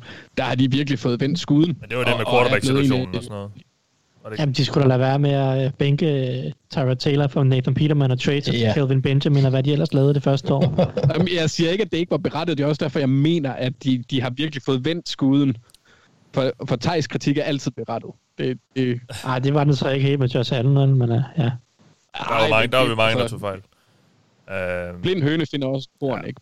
Vi, uh, vi kan stadig rigtig godt lide Buffalo Bills og deres uh, free agency agerende. Det, uh, og det har også vist sig, at det har fungeret for dem på banen. Så øh, hatten er for dem, og det må, det må være sjovt at være Bills-fan for tiden. Det, det ser lovende ud jo, hvor det her holder på. Han lige indtil Josh Allen sikkert får en kæmpe kontrakt, og så falder lidt niveau. Men øh, nå, nok om det. Mm. No, nok Josh Allen hate. Det sker om to måneder. Og så bliver Buffalo-fans lige sur på os igen der. Nå. Øh, Thijs, øh, hvilke hold har, har gjort det bedst? Yes, jamen øh, jeg har valgt Denver Broncos. Fordi jeg kan godt lide den måde, de egentlig har aggressivt taklet øhm, deres største mangel på, som var cornerback-positionen. Øh, Øh, de har selvfølgelig hentet øh, to mænd ind der, som ret betydelige navne, øh, Ronald Darby og Kyle Fuller. Begge to ret dygtige cornerbacks. Kyle, øh, Ronald Darby var vel en af de sådan, øh, fem bedste cornerbacks, der var udset til at blive free agents, og så vælte Bears jo, som Mark jo øh, flot havde spået, at de måske kunne finde på at cutte Kyle Fuller. Og øh, det gjorde de, og der var Broncos selvfølgelig klar. Vic Fangio skulle da have sin gamle legekammerat tilbage. Og jeg synes jo, det er, jeg synes, jeg synes, det er en markant forbedring af deres største svaghed. Det var et stort problem for dem sidste år, hvor Bryce Callahan var den eneste, der rigtig kunne være sin indsats bekendt. Og man så får to udvendige cornerbacks her, som jo den ene ved, vi passer i systemet. Jeg synes også, Darby er, må, giver, giver fin mening i et thank you-forsvar. Og så har du stadig Bryce Callahan. Så har du lige pludselig, du går fra en af ligaens værste cornerback-situationer til måske en af de fem bedste i ligaen med, med tre gode cornerbacks. Derudover så forlænger du selvfølgelig med Justin Simmons på lang sigt. Super. En genial spiller. En af de tre bedste safeties de sidste par år. Uh, henter Kareem Jackson tilbage, så du også har din strong safety. Lige pludselig så står du med den her secondary, som Fangio ikke rigtig kan, kan gøre nogle ting med. Du får forlænget med Shelby Harris på den defensive linje. Og tilbage står du med et hold, hvor man siger, mm, der er ikke rigtig nogen store huller tilbage. Du kan gå ind til draften og simpelthen bare kigge på, hvad er der for nogle spillere, og så henter vi de spillere ind, der giver mening. Jo, jo, selvfølgelig kunne man godt bruge en, en, en tackle, eller lidt hjælp på den offensive linje. Selvfølgelig kunne du godt bruge en edge rusher, fordi Von Miller er ved at blive gammel. Du kunne også godt bruge en lidt bedre linebacker end Josie Jewell. En lidt bedre quarterback. Og så videre, og så videre. Hvad siger du? En lidt bedre quarterback. Så det, det er så den sjove del af det. Fordi øh, det, er så, det er den sidste lille fodnote, det er selvfølgelig, fordi hvis de nu de drafter der som nummer, nu skal jeg tænke mig om, 11, 9, tror jeg det må være, de har deres første valg. Uh, hvis de nu lige pludselig står i en situation, hvor der er en quarterback, de godt kan lide også, så er det jo et sjovt hold uh, at tage en quarterback til at give. Ja. Der har jo længe været snak om, at de vil give Drew Lock noget konkurrence. Uh, man sidder man og kigger ned over free agency og, uh, og sådan quarterbacksene. så er det jo ikke fordi, at øh, der rigtig er meget konkurrence at finde der. Så hvis der skal noget konkurrence til Joe Lock, så skal det måske være i draften. Og øh, det, det synes jeg kunne være sjovt. Det kunne være rigtig sjovt. Øh, jeg ved ikke, om de gør det. Det kan også være, at de trader ned og bare siger, at vi tager whatever pass så vi kan få øh, om syv valg senere, eller hvad det nu er. Men, men altså, jeg synes, det er et sjovt hold, fordi de har ikke nogen åbenlyse needs, og de kan gå i mange retninger øh, efterhånden, fordi de har lukket de værste huller i free agency med, med nogle gode handler, med nogle gode spillere, synes jeg. Så jeg synes, det er et, et, et rigtig frisk free agency, og, og det er, altså, der, der skal ske noget i Denver i år med det her hold. Det er simpelthen for godt et roster til ikke at gå i slutspillet. Øh, medmindre Tulok selvfølgelig bare øh, er super ringe. Men jeg siger i hvert fald, at forsvaret skal være markant bedre. Øh, og på angrebet skal man kunne isolere det til Tulok, hvis, der, hvis det går galt der. Mm. Godt, Mark. Så lad os høre, hvem du, er, du er begejstret over. Ej, Mathias, jeg er begyndt at holde mere og mere af fortællingen om et hold, en organisation, et brand, der sidste år var skudt så meget i seng, som jeg kan huske et NFL-hold i min tid, mens jeg har fulgt det har været. Og nu er vi ved at få det hele vendt igen. Vi snakker fodboldteam. Ja. Øh, og kærligheden, den tager sgu til. Uh, fodboldteam er ikke et Super Bowl-hold. Det starter jeg selvfølgelig med at sige, at, at det er ikke blevet bindegal uh, over natten. Men de havde og har i grunden selvfølgelig stadigvæk nogle problemer, uh, og rigtig mange af dem, som ikke kun havde med fodbold at gøre og, og der, det, vil man sige, det, var en, det var en lang sej kamp, som de skulle igennem. Men det første perfekte move, de så lavede, og det kan vi jo så også se nu, jeg tror også, vi roste det på et tidspunkt, det lavede de jo faktisk sidste år, da de ansatte Ron Rivera som, øh, til, som head coach til at anspore sådan et seriøst kulturskifte. Og det synes jeg, de har fortsat i år med det, de har gjort i free agency. Altså tænk lige over det, ikke? hvis vi bare lige kigger over det, de er gået igennem. De er gået fra en kontroversiel skikkelse i Gruden til Ron Rivera. Det, er, det er super godt. De fik vendt Alex Smiths forfærdelige skade til sådan en heroisk historie. De ramte rigtigt i draften med Chase Young. De kom i slutspillet. Og nu synes jeg, de fortsætter på den der gode stime med at signe sådan nogle stabile spillere med, sådan, med en god karakter. Altså Fitzpatrick og, uh, Fitzpatrick og Ron Rivera, igen, det er ikke en Super Bowl vindende duo, det er ikke Brady Belichick det her, men man kan da ikke andet end at holde af dem, vel? Altså bare lidt. Det kan jeg i hvert fald ikke. Og så får vi en Ohio State reunion mellem McLaurin og Curtis Samuel. Det bliver sjovt. Prøv at, der kommer sikkert både til at være en masse jet sweeps, men også en masse dybe skud til de to hurtige herrer. Det glæder jeg mig til at se. Og så synes jeg, at kronen på værket kom i William Jackson. Altså det er ekstremt tiltrængt. Og igen, jeg synes virkelig, at det er nogle fantastiske handler, de har lavet. Gode personligheder, de har fået ind. Uh, team er, er ved at gå fra det hold, som ingen havde lyst til at være på, til, til at være et hold, hvor man tænker, okay, nu begynder det at spændende ud. Øh, og så lad os så selvfølgelig se, om de så her snart kan lande deres fremtidige quarterback, fordi så det er jo, det er jo klart, det er jo den altoverskyggende brik, de mangler, og, og, og, og lad os se, hvornår det falder på plads, men jeg synes, at mine ambitioner og forventninger på deres vegne, hvis vi bare kigger et år tilbage, var noget lavere end, end, end, end den måde, jeg har det med dem i dag. Altså, jeg synes virkelig, at det er, det, det er gået stærkt, øh, at de har fået vendt de ting, og det beviser sig selvfølgelig også bare, når man virkelig har ramt bunden, så kan det kun gå en vej, og det er opad. Og de er begyndt at trække sig så småt op ad bjerget igen. Ja, Dan Snyder, han har også lavet et par gode handler, fordi han har vist købt de andre ejere ud, så han nu ejer 100%. Ja, ja. Ham skal vi lige have, ham skal, ham skal vi lige have, have, have væltet. Men jeg synes se, ja. som sagt, det, det, altså alt er jo ikke øh, fuldstændig her hjemme endnu. Altså det, de, de, de har nogle problemer, og jeg snakkede også om det for nogle podcast siden omkring, der er nogle uforløste ting omkring det her hold. Vi snakkede, kommer der et navn blandt andet, hvad, hvad har de tænkt sig at gøre identitetsmæssigt, men også nogle af de her uafsluttede øh, sager, som ikke har noget med fodbold at gøre. Mm. Øh, hvad kommer der til at ske der? Fordi vi mangler jo afslutninger på det, og har det konsekvenser for Snyder også i sidste ende? Det, kunne jeg jo et eller andet sted godt håbe på, det havde, fordi det synes jeg vil være den sidste, sidste del af renselsesprocessen i Washington. Det var at få sendt ham øh, på porten, og, og, og, og så kan han bo ude på sin jagt øh, resten af sit liv, hvis det er det, han vil. Det, det, ja. det er sådan set fint. Men, det men det fodboldmæssigt begynder at Nej, det vil sige, men det fodboldmæssigt begynder at køre øh, mere nu, ikke? Ja. Og jeg synes, det, det Washington er gået for et hold, hvor jeg sad og tænkte, jeg gider ikke se en Washington-kamp til, at jeg skal tune ind og se nogle Washington-kampe nu. Altså, ja. jeg skal skulle se dem her spille. Jeg synes, der er, der er noget sjovt at byde på. Ja, det kunne godt blive underholdende, det, eller det er det jo altid med Ryan Fitzpatrick som quarterback. Altså, det, fordi det er jo enten ret godt eller ret skidt. Øh, Jamen, det er det, men, men det er, det, der er bare samlet en masse likable karakterer lige nu omkring det her hold, og jeg synes sådan set også, at netop med sådan en som William Jackson og, og hvad hedder det, Curtis Samuel og, og deres, altså McLaurin, deres receivergruppe og sådan noget, der er jo også nogle ting, som seriøst ser godt ud, altså ja. sådan det, som de kan holde fast i og bygge på, og nogle gode, øh, nogle gode sten at bygge videre på. Ja. Så jeg synes, at jeg vil fremhæve fodboldteam øh, efter deres øh, indsats i den her free agency, også fordi i lang tid har det kun været negativt, man har skulle mm. tale om dem, ikke? og nu, ja. nu vender det, så skal de også have den med. Ja, og det vender også for os, fordi vi skal snakke om nu, hvem der har, ikke har gjort det så godt. Anders, øh, hvilke hold har i dine øjne gjort det dårligst indtil videre i free agency? Raiders. Ja. Hvad, hvad fanden sker der for Raiders? ja, det er et godt spørgsmål.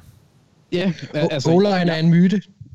Ja, ja, altså jeg postulerede jo op til 2019-sæsonen, at Raiders skulle være bedre til at spille Pokémon.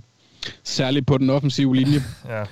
Og i de næste to sæsoner, så viste Tom Magic Cable faktisk, at han godt kunne udvikle Magic Carps til Gyarados.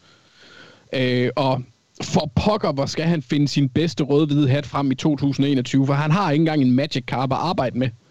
Det er, øh, det er noget, der hedder en spoink. Det er det, han har arbejdet med, Mathias en griselignende Pokémon med en perle på hovedet på den offensive linje, efter Raiders sagde farvel til Trent Brown, Gabe Jackson og Rodney Hudson. Jeg må ærligt indrømme, jeg fatter ikke en flyvende fis af Grudens handlinger her. Det er bare den allervigtigste positionsgruppe for uden quarterback, og du siger farvel til dine tre bedste spillere på den linje. Altså, der må være gået et eller andet galt mellem dem og trænerne. Øhm, Ja, det lader i hvert fald til, ja, ja, ja, at, øh, hvad hedder han, øh, Rodney Hudson, han gad i hvert fald nok ikke rigtig at være der med at lade det til. Jamen, det er også derfor, jeg tænker, der må være gået et eller andet galt. Ja. Øh. Jeg, jeg vil lige sige, jeg, jeg tror i, i den tese der, der, jeg tror ikke, vi skal undervurdere, at de har vel skulle generere noget cap for at fikse deres forsvar, og det er gået ud af o Og så kan man så også snakke filosofi om, ja. om, om det er smart eller ej. Men jeg er, er ret det. sikker på, at jeg er ret sikker, nej, det synes jeg heller ikke der, men jeg er ret sikker på, at, at det ikke er noget, man skal underkende, at, at, de, at de vil generere noget cap for at signe nogle spillere for at fikse, for at fikse forsvaret blandt andet. At det synes jeg ikke giver nogen mening. Øh, nej, det kan vi altså, godt være enige om. Hvis man lige ser bort fra det med O-line, så kan jeg egentlig godt lide, at de har erstattet Nelson Aguilar med John Brown, skaffet sig af med Lamarcus Joyner. Men altså, den offensive linje, det, det, det, det, altså det, det er forfærdeligt. Altså, så det, det har skuffet mig meget, at uh, Raiders nu står i en situation, hvor de er afhængige af, at Tom Cable viser sine evner endnu en gang. Altså, han har vist, at han kan udvikle Magic Carps til Gyarados, men kan han udvikle Spoinks til Grumpix, Mathias? Jeg har min tvivl. Ja, jeg vil sige, jeg tror ikke så meget på det. Det, det tror jeg heller ikke. Altså, det, det er jo ikke ham, man vil have til at, at få noget ud af nogle skodspillere. Altså, det, det, vil, det vil man have en eller anden Bill Callahan, eller øh, hvad hedder ham i Patriots? Øh, ja, ja. helt væk lige nu. Skarnik, ja. Skarnik, ja, ja. Altså de ja, der... Øh, altså, eller sådan Howard Mott, hvis han, dengang han var i ligaen, det tror jeg ikke, han er med. Altså, de der, der, der, der kan man måske gå ind til sæsonen med et håb om, at de der rigtig gode trænere kan få noget ud af nogle mm. knap så, så gode spillere, men det, det, det, kan, det kan Cable jo ikke. Altså, det kan jo ikke. Og det, sjov, det, det sjove med Raiders her er jo, det er år fire nu, de går ind til med Gruden. Hvor fanden er de på vej hen? Ja. Altså, jeg, for, jeg, jeg, jeg kan ikke se den langsigtede plan her. Det virker lidt som, som du også blandt andet har nævnt tidligere, det der med, at Gruden han falder ind og ud, ja. eller bliver forelsket og, og bliver ikke forelsket. Hvad, hvad hedder det? Ja, det ved jeg ikke. Ja. Men han er Fall jo, in ja, and out of det, love med en helvedes masse forskellige tilgange og spillere, ja. og skifter ud på steder, hvor det virker lidt spøjst. Altså, det, jeg, ja. jeg, jeg kan ikke se tilgangen. Og Nej, det, det, det, det, man, man får altså, sådan lidt en fornemmelse af, at, at nu, fordi så de skulle lige rydde lidt ud, da han kom til. Og så var det for to år siden, hvor de gik ud og brugte alle de penge der, og hentede AB og alt det der. Så, så, øh, men nu er de så nærmest alle sammen væk. Så nu er det sådan et, lidt et nyt mini-rebuild, de nærmest er i gang i. Fordi øh, forsvaret, øh, der skulle lave så meget. Men nu det er så gået ud over angrebet nu. Altså, ja, jeg ved heller ikke, hvad der sker. Øh, og jeg tror, jeg tror, og, men det, jeg vil også, og det ved man, hvis man har hørt den her podcast, jeg har ikke en ret stor fidus til John Gruden, og jeg tror, han er pissebelastende at være sammen med. Jeg ved godt, der er også så mange, der, der, der, der, der, der tænder på det der rah-rah, og alle de der ord, han står og siger, som ikke giver mening. Øh, jeg tror bare, mm. de der... Øh, Young Guns, der kommer ind i ligaen nu om dagen, de, jeg tror, ja, mange af dem synes, han er dum, tror, tror jeg. Altså, det, det, det, det, vi skal det heller jeg ikke glemme hans pranks. Nej, jamen, Ja, altså, også, også til det der åndssvage noget, ja. Men vi, kan- jeg tror altså også godt, at vi kan begynde at snakken omkring det der med de 10 års kontrakter ud, som giver den maks, som de gør. Fordi jeg vil sige, jeg er generelt faktisk ret stor fan af, at man giver trænere tid Ja, ja. i sportsgrenene ja. til at lave ting, men 10 år kan altså også godt være for meget, hvis man får fat i en mand, som, som tænker lidt for meget om sig selv, fordi jeg tror godt, at man kan ende i en cirkel af de her mini-rebuilds, fordi at han også har en anden idé om, "Nå, men jeg har tid nok til at gøre det her, og ja. så bliver det måske ikke lige nu, men så bliver det, altså så nu er det det her, jeg vil, og så nu er det det her, og nu er det det her, og så bliver det, så bliver det på usammenhængende. Han mangler på en eller anden måde, synes jeg, at blive, at blive presset, fordi det, det er, det, han, han, får, han får lov til at starte det ene projekt efter det andet, øh, men han fuldfører dem aldrig helt, og det, det tror jeg godt kan være den der 10-års øh, kontrakt, hvor han tænker, at jeg er jo home safe alligevel, Ja. jeg skal nok få mine penge, så jeg kan jo gøre, hvad jeg vil, og det er jeg ikke sikker på er, er godt nok for, for holdet. Nej. Og det, det er jo tydeligvis gået over nogle spillere. Altså nu, nu så jeg lige uh, Trent Brown. Han har snakket uh, i dag med, med dem, der dækker Patriots, hvor han sagde, at han passer bare igen. Han kunne ikke lide at være i, i Vegas og så videre. Altså, så de han, han får jo også jaget de her gode spillere væk. Altså, det dur bare ikke. Um, nå, Thijs, hvilke hold har ikke gjort det så godt? Ja. Jeg havde egentlig oprindeligt uh, smidt, smidt Colts op rundt omkring hold, jeg undrede mig over. Men til sidst så blev jeg enig med mig selv om, at jeg er bare pisse træt af, at de er så passive. Ja, jeg, jeg, jeg synes faktisk, at det er forkert. Ja. Ja. Altså, jeg, jeg, generelt set kan jeg jo godt lide, når hold ikke går ud og bruger alle mulige penge i free agency. Jeg har lige uh, kritiseret Patriots og Giants for at overbetale lidt her tidligere i, i, i podcasten. Men jeg synes også, Colts de går for langt over i en anden grøft. Fordi det her, det er et hold, som lige har hentet Carson Wentz, hvilket jo må være et win-now-move. Altså, det kan jo ikke være andet i min bog. Det er jo et, et hold, der føler, at vi har et roster, vi skal prøve at tage chancen på et eller andet, en eller anden quarterback med noget upside. Jeg, synes ikke, jeg synes ikke, Carson Wentz kan signalere andet. Og så går du ud i free agency med nogle betydelige huller på rosteret, og du mister også typer som Justin Houston og Denico Autry, Anthony Costanzo, øh, Anthony Walker, for den så skyld måske endda T.Y. Hilton, hans kontraktstatus er stadig lidt uh, ukendt. Uh, så det, du har jo et hold, som har nogle huller, der, skal- der skal lukkes. Og, og, og hvad henter du ind? Isaac Rochelle og Sam Tebby? Det er det. Så er de forlænget med Marlon Mack, fordi at de havde bare brug for en running back 3. Og så Xavier Rhodes, der er jo er okay, fair nok. Han havde en rimelig sæson for dem sidste år. Men det er jo ikke ham, der øh, redder hele verden, skulle jeg til at sige. Det, det her hold har næst mest cap space tilbage. De havde, altså, de havde masser af cap space, da free agency startede. De har masser af cap space tilbage. Jeg ved godt, at de, der, de lægger forskellige historier til nogle reportere, der så går ud i medierne og skriver, at det er også fordi, de skal forlænge med Darius Leonard og Quentin Nelson på et eller andet tidspunkt. Jeg ved enige om, at Quentin Nelson, der, der er, det er først i næste sommer, de har behov for at forlænge ham, hvis de vil. Øh, og, og, og to, de har 40 millioner i cap space. To spillere koster ikke 40 millioner i cap space. Nej. Det gør de bare ikke. Og, og, og, vi, og, og, og alle forventer jo, at cappen stiger markant i de kommende år. Altså, der er ikke nogen grund til at være forpasselig med at, at, at lægge penge ud i fremtiden. Reelt set synes jeg jo i år, at alle holdene burde være tæt på deres, altså på, på, på salary cap'et, fordi de ved, at de får mere ud af det i fremtiden, ikke? Ja. Jeg, jeg synes, det giver ingen mening, at Coles har været så passiv.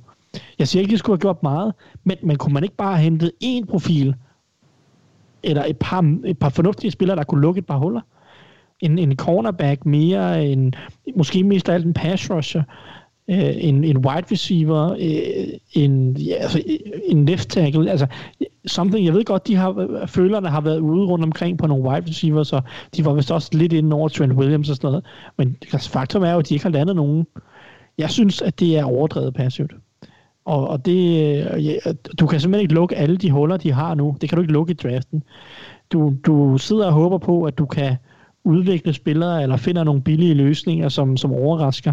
Og det er også fint nok, det kan godt være, det lykkes en gang, men, men, men altså, det er jo ikke fordi, de har været flawless der draftet. De har jo prøvet at drafte pass rusher en hel del de sidste år, og det er ikke lykkedes for dem.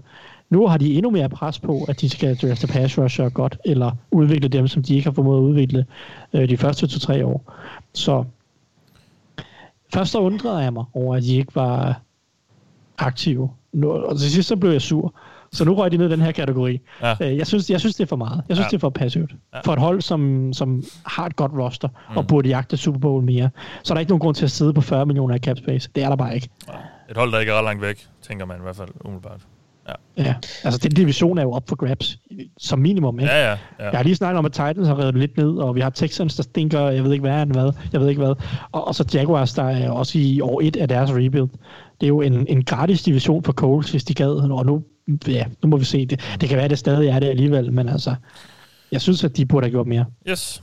Jamen, øh, Jeg Mark. vil lige sige, jeg, Ja. ja. må jeg lige tilføje noget her? Ja. For jeg, jeg, jeg er jo sådan set rigtig enig med alt det, Thijs siger faktisk. Øh, men, men lige omkring den der med, at Wentz øh, umiddelbart kun signalerer øh, all in nu her. Jeg tror, jeg tror, der er to sider af Wentz-sagen også. Jeg, jeg, jeg tror helt seriøst, at, at Frank Reich, eller Frank Reich, han tænker, øh, med, øh, med Wentz's alder og med den måde, han har set ham før, at det her det er en quarterback, der kan være deres quarterback i rigtig mange år også. Ikke kun for nu, men, men at de forventer ham og øh, forventer skuden med ham, og at det så en quarterback, de skal bruge i mange år.